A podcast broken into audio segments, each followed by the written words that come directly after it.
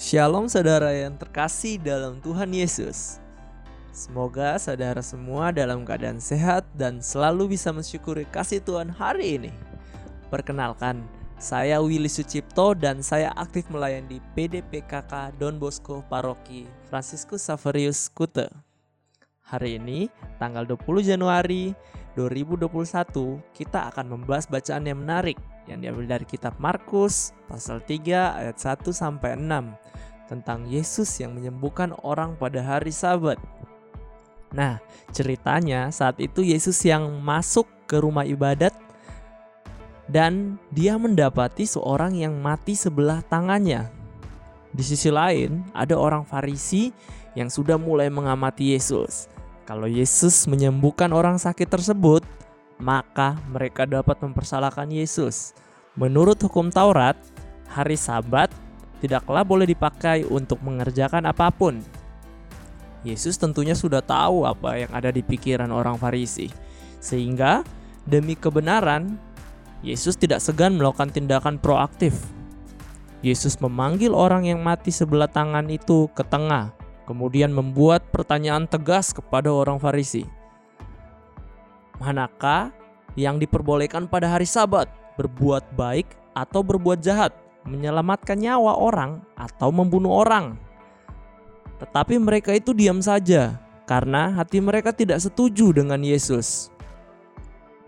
Yesus sedih dan marah melihat sikap orang Farisi itu yang mempertahankan nilai-nilai meskipun harus mengabaikan orang lain yang membutuhkan pertolongan. Yesus pun meminta orang sakit itu mengulurkan tangannya dan orang itu tentu saja mengulurkan tangannya karena dia butuh kesembuhan sehingga orang sakit itu pun sembuh. Di akhir cerita, malah orang-orang Farisi bersekongkol dengan orang Herodian untuk membunuh Yesus. Suatu sikap yang sangat memprihatinkan. Dari kisah ini, Yesus sungguh menunjukkan bahwa kasih berada di atas segalanya. Orang Farisi mempunyai pengetahuan iman yang baik, rajin berdoa, bahkan taat dengan adat istiadat. Tapi apalah arti semua itu jika tanpa dilandasi kasih yang nyata, tindakan nyata untuk menunjukkan kasih kita kepada sesama yang membutuhkan adalah tolak ukur bahwa kita sungguh mengimani Tuhan dengan benar. Kisah ini juga sangat relevan dengan keadaan sekarang ketika banyak hal yang tidak bisa kita lakukan karena pandemi bukan menjadi hambatan buat kita. Tapi kesempatan ini boleh kita ambil untuk berefleksi bagaimana tindakan nyata untuk tetap membagikan kasih. Mungkin saat ini kita lagi mentaati aturan protokol kesehatan untuk bekerja di rumah, belajar dari rumah, jaga jarak, dan protokol-protokol kesehatan lain. Tetapi semua hal itu bukan menjadi batasan buat kita untuk terus membagikan kasih kepada sesama, saling memberikan support kepada sesama yang membutuhkan, dan kita jadi punya waktu lebih untuk berdoa bagi yang membutuhkan.